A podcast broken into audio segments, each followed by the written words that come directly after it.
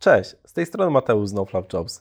Witam w podcaście NoFluff Talks, w którym rozmawiamy o bieżących sprawach związanych z branżą IT. Dzisiaj mam przyjemność gościć Tomka Bujoka, CEO NoFluff Jobs i Asię Guzik, liderkę zespołu rekrutacji. Wspólnie chcemy poszukać odpowiedzi na pytanie, gdzie znikają kandydaci oraz kandydatki. Ale zanim do tego przejdziemy, warto przyjrzeć się bieżącej sytuacji na rynku pracy w IT. Myślę, że no nie sposób o niej nie mówić, e, nie, nie mając w kontekście sytuacji gospodarczej oczywiście, tak? Mamy stagflację, jest, jest widmo kryzysu, jednakże zdaje się nie mieć to aż takiego dużego wpływu na branżę IT. Tutaj ponownie ta unikatowa e, sytuacja tego rynku pracy powtarza się i to nadal rekruterzy i rekruterki muszą walczyć o kandydatów i kandydatki. Natomiast e, no, wyzwanie jest takie, że trudno zdobyć te osoby na, na wymaganym seniority, tak? I trudno zdobyć pracowników o dopasowanym do danych projektów, do danej firmy profilu, więc no tutaj już na, na każdym etapie, a szczególnie na tym początkowym, istotny jest candidate experience. Chciałbym się tutaj na tym skupić może w pierwszej kolejności, czyli gdzie specjaliści IT, specjalistki IT szukają pracy i jakby dlaczego, dlaczego ta trudność już pojawia się na tym pierwszym etapie zatrudniania nowych talentów. Cześć Mateusz. Cześć. tak w ogóle. Bardzo mi miło tutaj być i może zacznę od tego, dlaczego tak trudno o zatrudnienie nowych talentów. Pracodawcy i pracodawczynie od lat mają problem z pozyskaniem specjalistów i specjalistek z branży IT. To się nie zmienia. Popyt na ich usługi znacznie przewyższa podaż i o tym, dlaczego jest trudno o zatrudnienie nowych talentów, Moglibyśmy pewnie zrobić osobny odcinek. Natomiast chciałabym podkreślić tutaj kilka powodów. Sektor nowych technologii, należy do tych, e, w których w ostatnich latach obserwowaliśmy najdynamiczniejszy wzrost wynagrodzeń, sięgający nawet 20% rocznie. Talenty przyciągają dziś pracodawcy, którzy oferują nie tylko konkurencyjne zarobki, bo firmy muszą jasno mówić o tym, co pracownik, pracowniczka będą robili, jakie będą mieli zadania, metody i narzędzia ich realizacji, jakie możliwości rozwoju firma może im zaoferować. Czyli tutaj bardzo ważna jest jak największa transparentność która zaczyna się od widełek płacowych podawanych w ogłoszeniach o, o pracę.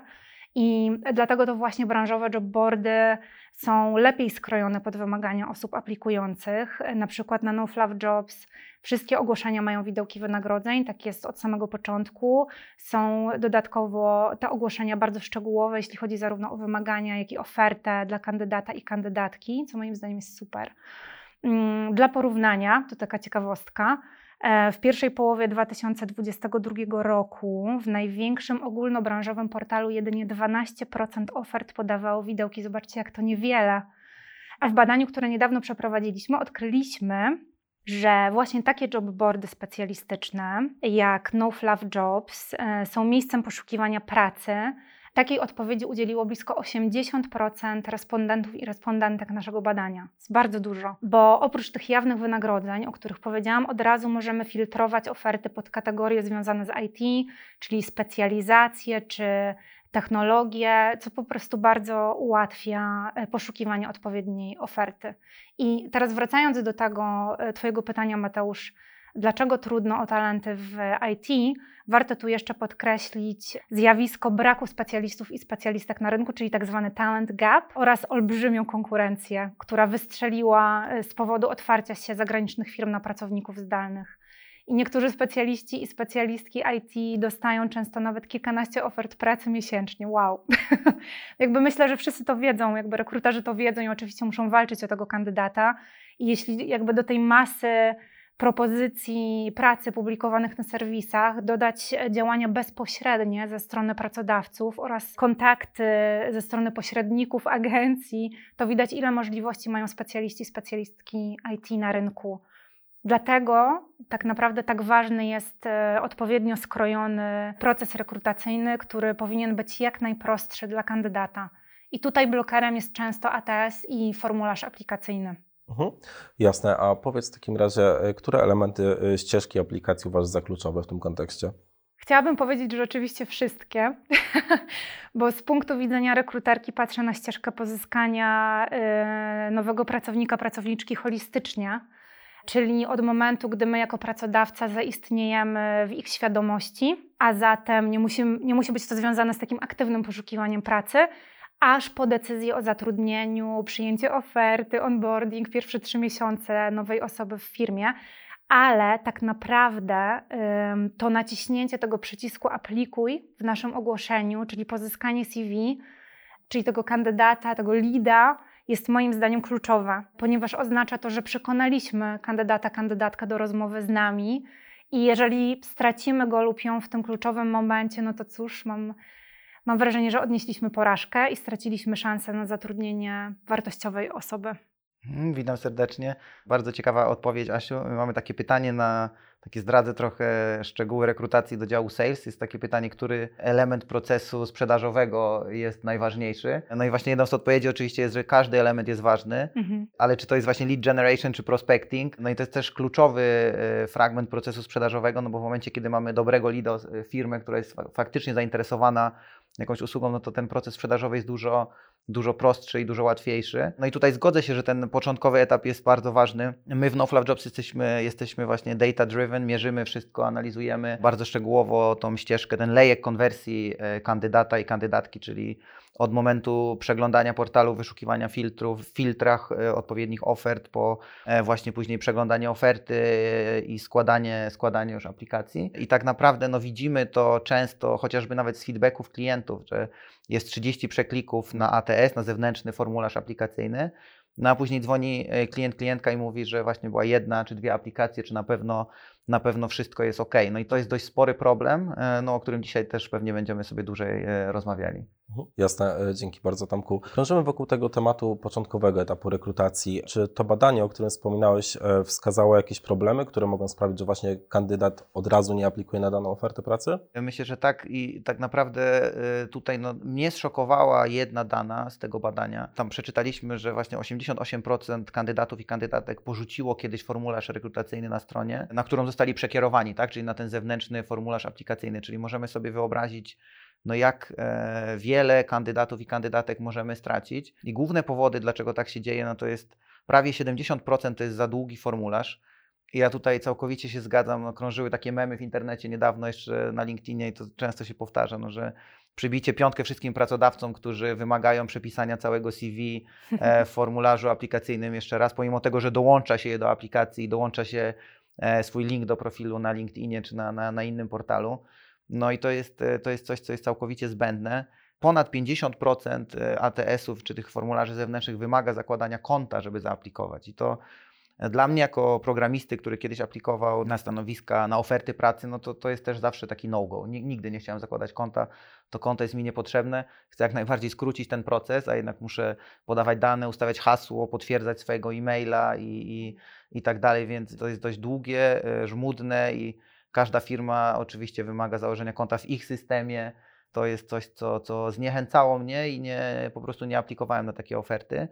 No, e, trzecim tutaj punktem w tej ankiecie jest konieczność podania danych, które wolę zachować dla siebie. I to jest 42%. I z jednej strony właśnie też mnie to szokuje, że takie pytania ciągle pojawiają się właśnie w formularzu, formularzu zewnętrznym, czy pracodawcy i pracodawczyni wymagają ich. I tu tak naprawdę mieliśmy, realizowaliśmy inne badanie w ramach kampanii Szanuj siebie, które też pokazywało, że tam bodajże jedna trzecia kobiet e, na rozmowach rekrutacyjnych, oczywiście to już nie chodzi o sam formularz, ale słyszy pytania o planowanie rodziny, czy o stan cywilny, czy fakt, hmm. fakt posiadania dzieci i widzimy, że jednak jeszcze gdzieś tam no, te pytania się pojawiają. I tak samo jako osoba, patrząc z punktu widzenia kandydata, no nie chcę podawać e, super szczegółowych danych w takiej pierwszej, inicjalnej informacji, którą wysyłam do pracodawcy. Oczywiście w trakcie rozmowy nie ma problemu, żebyśmy rozmawiali szerzej, ale jeżeli ten pierwszy formularz aplikacyjny jest bardzo szczegółowy i wymaga ode mnie podania e, rzeczy, gdzie ja tak czuję, że zapala mi się czerwona lampka, że są to może jakieś takie informacje, które, które wolę zachować dla siebie, no to, no to jest oczywistym, że pracodawca nie dostanie tej aplikacji ode mnie i po prostu utraci tą e, możliwość rozmowy ze mną. No i ostatnim elementem, co też e, jakby nie, jest, nie, no nie, nie pokazuje tego zewnętrznego formularza aplikacyjnego w dobrym świetle, no to potencjalny błąd techniczny, który zgłasza 1 e, czwarta respondentów i respondentek, czyli ponad 25%. Także proszę sobie wyobrazić, no, że tutaj właśnie wypełniamy ten formularz, może jest jeszcze dłuższy, ale zdecydowaliśmy się, klikamy wyślij i nagle, nagle występuje błąd techniczny, bo na przykład używamy, nie wiem, przeglądarki Chrome, no a jest to e, AT starszej generacji, który wymaga na przykład Internet Explorera, tak? No i występuje gdzieś ten błąd. Także no także to badanie otworzyło nam, otworzyło nam oczy w NoFluff Jobs e, na ten problem. Oczywiście wiedzieliśmy o problemie utraty konwersji na ścieżce aplikacyjnej właśnie przez ATS-y i te zewnętrzne formularze aplikacyjne, aczkolwiek no, to badanie pokazało, że jest realny problem i chcieliśmy właśnie spróbować znaleźć jakieś, e, jakieś rozwiązanie. Mhm, jasne. Wiesz, co padło na początku, wybrzmiało też trochę w Twojej wypowiedzi, e, że tu jednak specjaliści IT, e, czy też specjalistki IT z uwagi na to, że są niejako w przewadze, powiedzmy rekruterami, rekruterkami, to oni niejako dyktują, oni, one niejako dyktują warunki tego procesu rekrutacyjnego, czy, czy myślisz, że możemy zaryzykować stwierdzenie, że ATS w przypadku tej konkretnej branży nie ma sensu? Tak, myślę, że tak. Znaczy dla mnie z punktu widzenia kandydata ATS i ten zewnętrzny formularz rekrutacyjny jest całkowicie zbędny. Nie chcę go używać, chcę jak najszybciej e, zaaplikować na ofertę. I myślę, tutaj Asia wspomniała właśnie o tym candidate gap, o tym problemie, tak? Jest, mhm. Podaje się te legendarne dane 50-60 tysięcy brakujących specjalistów w Polsce. Teraz najnowsze badania mówią 100 tysięcy i musimy stwierdzić, że no od, od, od wielu lat jest to, jest to rynek pracownika, tak? Pracownik rozdaje karty i mówię tutaj o E, o osobach, które mają już jakieś doświadczenie w branży i mogą po prostu przebierać w ofertach. I e, z mojego punktu widzenia, no ja podaję taki przykład e, właśnie najczęściej, że, że rekrutacja w IT jest jak sprzedaż. Osoby, które są odpowiedzialne za rekrutację, muszą jak najbardziej zareklamować ofertę, jak najbardziej wspierać kandydata i kandydatkę do tego, żeby byli w procesie, żeby zaaplikowali, bo ta aplikacja to jest tak naprawdę tylko ten pierwszy element. Bardzo często no mówimy o takim elemencie ghosting, tak, że pracodawca nie odpisuje mhm. pracownikowi, ale powiedzmy sobie szczerze, że też jest ghosting z drugiej strony, że kandydaci i kandydatki pewnie może nawet jeszcze w większym, jeszcze w większym zakresie, tak, kandydaci mają wiele ofert pracy, prowadzą pewnie rozmowy nie tylko z jednym pracodawcą, najczęściej na, na tym etapie, kiedy, kiedy szukają pracy i on również może występować, więc, więc i po prostu utracimy taką osobę w trakcie tego procesu, bo na przykład nasz proces jest za długi, nie odpisujemy wystarczająco szybko, nie jesteśmy zbyt responsywni, więc jakby moją tezą jest, że rekrutacja w IT jest jak, jest jak sprzedaż.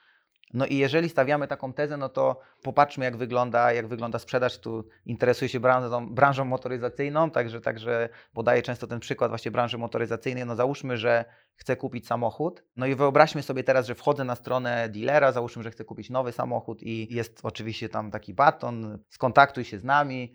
No i klikam w ten baton, i pojawia mi się formularz, który mówi: podaj wszystkie samochody, które posiadałeś, odkąd zrobiłeś prawo jazdy, kiedy zrobiłeś prawo jazdy, czy lubisz e, samochody szybkie, czy lubisz samochody większe, ile osób jest w Twojej rodzinie, podaj preferencje cenowe i tak dalej. No, no po prostu nie, no podaję, klikam ten baton, jedyną informacją, którą podaję jest pewnie e-mail, nawet wystarczy, tak, e-mail. I oczekuję, że osoba po drugiej stronie będzie jak najbardziej przyjazna, jak najbardziej responsywna, jak najbardziej e, starała się mnie zrozumieć i po prostu e, rozwiązać mój problem pod tytułem jaki samochód chcę kupić, mogę nie wiedzieć i kiedy chcę go kupić, chcę dostać jak najlepszą ofertę. I oczywiście Mówię tutaj o midach, seniorach i seniorkach, tak, czy osobach, które mają jakieś tam doświadczenie, no bo jeżeli mówimy o juniorach czy osobach, które chcą wejść do branży, no to na NoFluff Jobs tam application rate, czyli liczba aplikacji na ofertę sięgają no, powyżej tysiąca.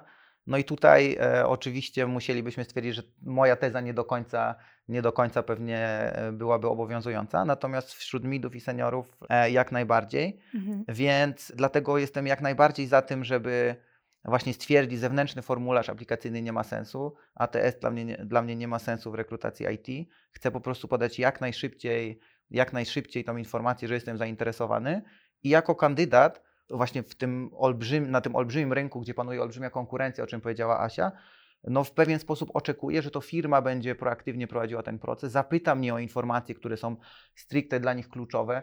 Może nie jest to, to CV już jakby Dobrze, że w IT nie obowiązują listy motywacyjne, tak? bo jeszcze też może musiałbym o tym poinformować pracodawcę, no ale, ale chciałbym, żeby ten proces był jak najszybszy, jak najkrótszy i dla mnie jak najprostszy. E, I oczywiście rozumiem e, tą potrzebę administracji po drugiej stronie procesem rekrutacyjnym, do której możemy przejść, ale jakby też tutaj przewrotnie podam, no, że jak kupuję samochód, to jakby nie interesuje mnie w ogóle, w jaki sposób e, dealer samochodowy i sprzedawca organizuje sobie to w swoim CRM-ie, gdzie zachowuje kontakt do mnie, jak sobie grupuje. Jestem po prostu osobą zainteresowaną danym samochodem.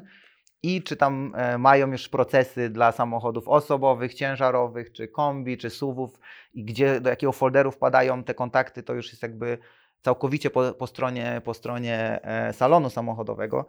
I tak samo w pewien sposób jako kandydat oczekuję tego, że to firma sobie to zorganizuje po swojej stronie i ja nie będę, na mnie nie będzie przenoszony koszt e, nazwijmy to czasowy administracji, który ułatwia, nazwijmy to administrację, administrację w firmie. Jasne. E, w ogóle jak wspomniałeś o liście motywacyjnym, to już uruchomiłeś mi takie mroczne wspomnienie, ponieważ kiedyś trafił mi się taki combo breaker, e, że był formularz ATS, w którym był wymagany oczywiście list motywacyjny, natomiast nie dało się go załączyć, a kopiowanie tekstu do formularza nie działało. To był istny koszmar, ale porozmawialiśmy trochę o tej perspektywie kandydata, natomiast Asiu, jestem bardzo ciekaw, no bo e, zakładam, że te ATS-y nie są po nic, tak? W sensie jakby istnieją w świecie HR-u po coś i w sumie jestem ciekaw, jaka jest Twoja perspektywa na ten temat. Czy to jest coś, co, co usprawnia Twoją pracę taką codzienną, codzienną? Ja sobie nie wyobrażam pracować bez e, systemu, w którym mogłabym e, jakby pilnować, na jakim etapie procesu jest dany kandydat i w jaki sposób ja się z nim czy z nią komunikuję w tym procesie. Natomiast ta analogia do sprzedaży Tomka jest dla mnie bardzo ciekawa i już kiedyś miałam taką okazję być e, na konferencji dotyczącej sourcingu w Amsterdamie, gdzie właśnie jeden z paneli bardzo dobrze opisał to porównanie rekrutacji do sprzedaży. I zgadzam się tutaj z Tomkiem, że ten proces e, nawet tej decyzyjności dla kandydata powinien być jak najszybszy i jak najprościej skonstruowany dla niego czy dla niej. Te formularze aplikacyjne to jest taka kwestia sporna, bo mam wrażenie, że istnieją dwie szkoły. Niektóre firmy bardzo sobie cenią e, swoje formularze aplikacyjne, bo one są dla nich dodatkową taką metodą selekcji. I tak jak Tomek tutaj się odniósł na przykład do rekrutacji juniorów, to wydaje mi się, że im więcej tak naprawdę przesiejemy na samym początku, tym łatwiej po prostu jest później dla nas zarządzać tym procesem i wybierać, wyłuskiwać te najlepsze talenty. Natomiast rzeczywiście w przy, przypadku bardzo trudno dostępnych ról na rynku e, czy talentów, które są niszowe, w przypadku seniorów to już w ogóle tak naprawdę. Myślę, że bardzo jest, jakby jest to bardzo istotne, żeby ten formularz był jak najprostszy, zawierał jak najmniej pytań i posiadał właściwie tylko jakby takie dojście do kandydata, że my możemy do niego wyjść, my możemy się z nią czy z nim skontaktować. I właśnie tak jest z tym szukaniem talentów w IT. My powinniśmy przekonać właśnie tą osobę kandydującą, żeby wybrała właśnie nas, więc tutaj to zazębienie ze sprzedażą jest bardzo, bardzo e, mocne. Przekazać wszystkie niezbędne informacje i wiemy, że te ATS-y bardzo ułatwiają pracę i one są potrzebne, ale formularze e, aplikacyjne może już niekoniecznie i skoro 88% aplikujących deklaruje, że zdarzyło im się porzucić formularz ATS, to właśnie w NoFluff Jobs chcieliśmy opracować rozwiązanie, które połączy potrzeby obu stron. I tak powstała funkcja Leads. Okej, okay, super. Czy możecie o niej trochę więcej opowiedzieć? Jasne, jak najbardziej. No właśnie patrząc e, na tą, na tą olbrzymią utratę konwersji, zdecydowaliśmy się, że chcemy wprowadzić, e, wprowadzić taką funkcję, która umożliwi e, no, zebranie tego kontaktu do kandydata i kandydatki jeszcze przed tym etapem przekierowania na zewnętrzny formularz aplikacyjny. E, no i wiemy też o tym właśnie, że e, no z tego badania wyniknęło, o czym już wspomniałem, że prawie 70% respondentów, respondentek chce aplikować właśnie na portalu, czyli bez przekierowywania, bez otwierania nowego okna.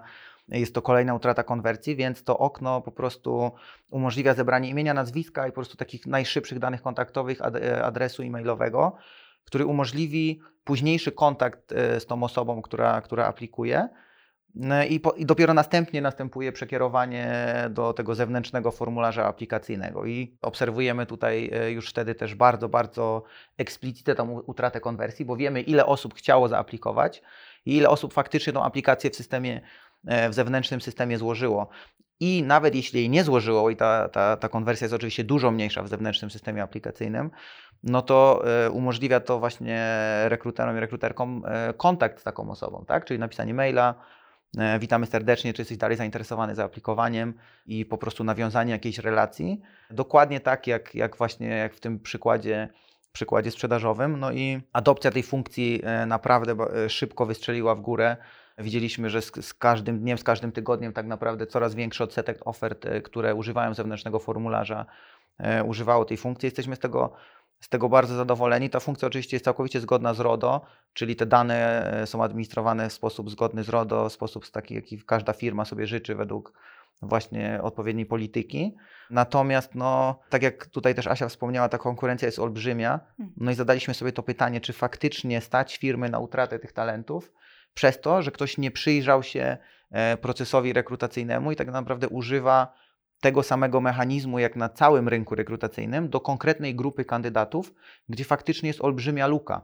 I to jest troszeczkę taka analogia dla nas, jak, e, jak startowaliśmy z No Fluff Jobs, no to ten proces myślowy u nas był bardzo podobny z Magdą, no bo stwierdziliśmy, ok, jest olbrzymia e, luka na rynku, dlaczego wszystkie ogłoszenia o pracę dla branży IT wyglądają tak samo jak każde inne ogłoszenie, tak? Mhm pełne właśnie tych pustych sloganów, frazesów, że młoda, dynamiczna firma poszukuje do ambitnej osoby za atrakcyjne wynagrodzenie, tak? I stwierdziliśmy, ok, musimy coś zmienić, no i tak powstał No Fluff Jobs. Teraz widzimy, że na tym kolejnym etapie już powiedzmy, gdzie tak naprawdę e, no, odpowiedzialność leży troszkę po stronie firmy, e, jaka będzie konwersja, czyli jak wygląda ten proces aplikacyjny, no to chcemy też pomóc firmom, żeby, żeby wyjść naprzeciw oczekiwaniom kandydatów, no bo te oczekiwania są jasne. Prawie 70% osób chce aplikować właśnie na jobboardzie bezpośrednio. 88% porzuciło e, formularz aplikacyjny. E, no i prawie 70% osób uważa najczęściej, że one są za długie, czy występują na nich problemy, tak? Czyli widzimy, że jest to coś, czego, czego kandydaci i kandydatki po prostu nie stąd, stąd ta funkcja, no, która już widzimy właśnie, że w tych pierwszych tygodniach naprawdę bardzo, bardzo e, zwiększa konwersję. Mhm. No to wybrzmiało jako super rozwiązanie. Faktycznie, e, Asiu, opowiedz z Twojej perspektywy, jakie widzisz tutaj korzyści dla osób rekrutujących, ale też dla kandydatów? No widzę bardzo duże korzyści. tak sobie w ogóle myślę o tej konwersji i myślę sobie właśnie o na przykład mierzeniu czegoś takiego w marketingu czy w sprzedaży, co się nazywa bounce rate'em mhm. i dokładnie wiemy po prostu ile tak naprawdę procent osób odbiło się od naszego formularza, tylko tutaj właśnie dzięki temu, że mamy tego lida, mamy ten kontakt, to my możemy coś z tym lidem zrobić, czyli możemy do takiej osoby wrócić i mamy tą pewność, że nie stracimy tej wartościowej osoby, gdyby porzuciła nasz formularz ATS, czyli mogę odezwać się do niej mailowo, zachęcić do dalszego aplikowania, e, zaproponować inną formę kontaktu itd., tak itd. Tak to jest też świetne narzędzie, myślę, do marketingu rekrutacyjnego albo nawet remarketingu, jeżeli oczywiście ta osoba wyrazi taką zgodę. No rewelacja moim zdaniem. Mogę jako rekruter, rekruterka monitorować skuteczność właśnie tego formularza ATS. Czyli jeżeli widzę, że mój bounce rate, czyli osoby się od niego odbijają, nie przechodzą przez ten formularz z jakiegoś powodu, no to mogę go sobie optymalizować i znowu sprawdzać, e, ile kandydatów czy kandydatek zostawiło mi dane kontaktowe, ile faktycznie wypełniło tego ATS-a. Mam gwarancję, że to rozwiązanie jest w pełni zgodne z RODO. Tak jak Tomek powiedział, to jest bardzo ważne, a wiemy, że RODO jest skomplikowanym tematem. Natomiast jako kandydat czy kandydatka, no to myślę, że już trochę o tym opowiedzieliśmy, że dalej mogę wziąć udział w rekrutacji, na której mi zależy. Jestem przekonany, przekonana, że mój kontakt rzeczywiście trafił w ręce zespołu HR, a nie po prostu gdzieś tam zniknął w przestrzeni, nie wiadomo co się dzieje z moją aplikacją. Także mam pewność, że, że ktoś się do mnie odezwie po prostu. Jasne, a ja mam takie pytanie jeszcze do Ciebie, Asiu, właśnie czy nie widzisz tego, no bo okej, okay, w, w, tej funkcji, e, gdzie kandydat wysyła tylko imię, nazwisko, e-mail, no mhm. no nie mamy tego większego spektrum e, informacji o kandydacie czy kandydatce i czy to jest dla Ciebie problem właśnie, żeby później zrobić taki follow-up, czyli skontaktować się z tą osobą na zasadzie, okej, okay, żeby wziąć e, udział w procesie rekrutacyjnym, potrzebowałabym jeszcze X, Y, Z, czy kiedy na przykład możemy, czy potrzebowałabyś pierwsze tego CV, czy na przykład od razu proponowałabyś takie pierwsze e, screeningowe spotkanie w przypadku tych ról seniorskich? To jest, to jest dobre pytanie i jak myślę sobie o tym, w jaki sposób bym ułożyła taki proces pod, pod tego lida, nazwijmy to tak, to chciałabym chyba skontaktować się z tą osobą najpierw mailowo, żeby dopytać na przykład, co spowodowało, że nie ukończyła naszej aplikacji, to jest jedna rzecz. Jasne. I zachęcić ją oczywiście do podesłania CV, bo wydaje mi się, że jednak to CV jest taką jakby gwarancją, że my dobrze przepuścimy dobrą osobę dalej i że no też jako rekruterzy nie zmarnujemy trochę naszego czasu a wiadomo, że jakby wiesz, to jest walka o kandydata, walka o szybkość procesu i też nie mamy jakby takich zasobów czy przestrzeni, czy wręcz czy godzin w ciągu dnia, żeby spotkać się ze wszystkimi. Oczywiście Jasne. to by było rewelacyjne, ale myślę, że ten kontakt mailowy tutaj jest e, świetny, plus właśnie dopytanie się jeszcze, dlaczego ta osoba nie ukończyła aplikacji. Jasne. Jest to bardzo wartościowa informacja i feedback od kandydata czy kandydatki, którą byśmy dostali ale jakby koszt tego follow-upu czasowy dla Ciebie, czyli fakt, że, że musisz się skontaktować z tą osobą mailowo yy, i o poproszenie o dokończenie aplikacji, czy wysłanie jakichś więcej szczegółów, czy na przykład linku do LinkedIna, mhm. przeważa e, jakby to, że potencjalnie, że nie miałabyś tego maila, ale też nie miałabyś aplikacji i żadnego kontaktu do tej osoby, tak? Jeżeli nie używałabyś tej funkcji. To znaczy, nie wiem, czy dobrze zrozumiałam Twoje pytanie, Tomek, natomiast W sensie zysk może czy przeważa, tak? Ja źle je zadałem, tak? zysk, zysk przeważa zdecydowanie, dlatego że mamy kontakt do tej osoby. I nawet jak sobie to porównamy z sorsowaniem, Tak. wysyłamy e-maile, czekamy na kontakt, kandydaci są zasypywani, a tutaj już mamy kogoś, kto rzeczywiście wykazał jakieś zainteresowanie. To już jest taki hot lead Hot bardziej, lead, okej, jasne. nie? do jasne. którego możemy wrócić. Tak, to jest dobre odniesienie w sumie do takiego sourcingu na LinkedInie, dokładnie, że wysyłasz Tak. i nie wiesz, czy ktoś odpisze, a. Dokładnie, no jakby nie masz nad tym kontroli, a tutaj masz jednak ten kontakt i rzeczywiście możesz do tej osoby bezpośrednio wrócić, a tak naprawdę e, można sobie pewne rzeczy zautomatyzować i sobie pomóc. Super. super Także, także myślę, że to jest e, ogromna korzyść dla nas rekruterów. Dziękuję Wam za wyjaśnienia. W takim razie podsumujmy. Jak się okazało, kandydaci i kandydatki IT bardzo często znikają na etapie wypełniania formularza ATS, który z wielu powodów blokuje ukończenie. Tutaj Tomku wspominałeś o, o takich aspektach, jak to, że jest za długi, zawiera pewne błędy techniczne, czy wymaga podania zbyt wielu danych, czy też przepisanie informacji, które już są w CV, które i tak załączamy do, tego, do tej aplikacji.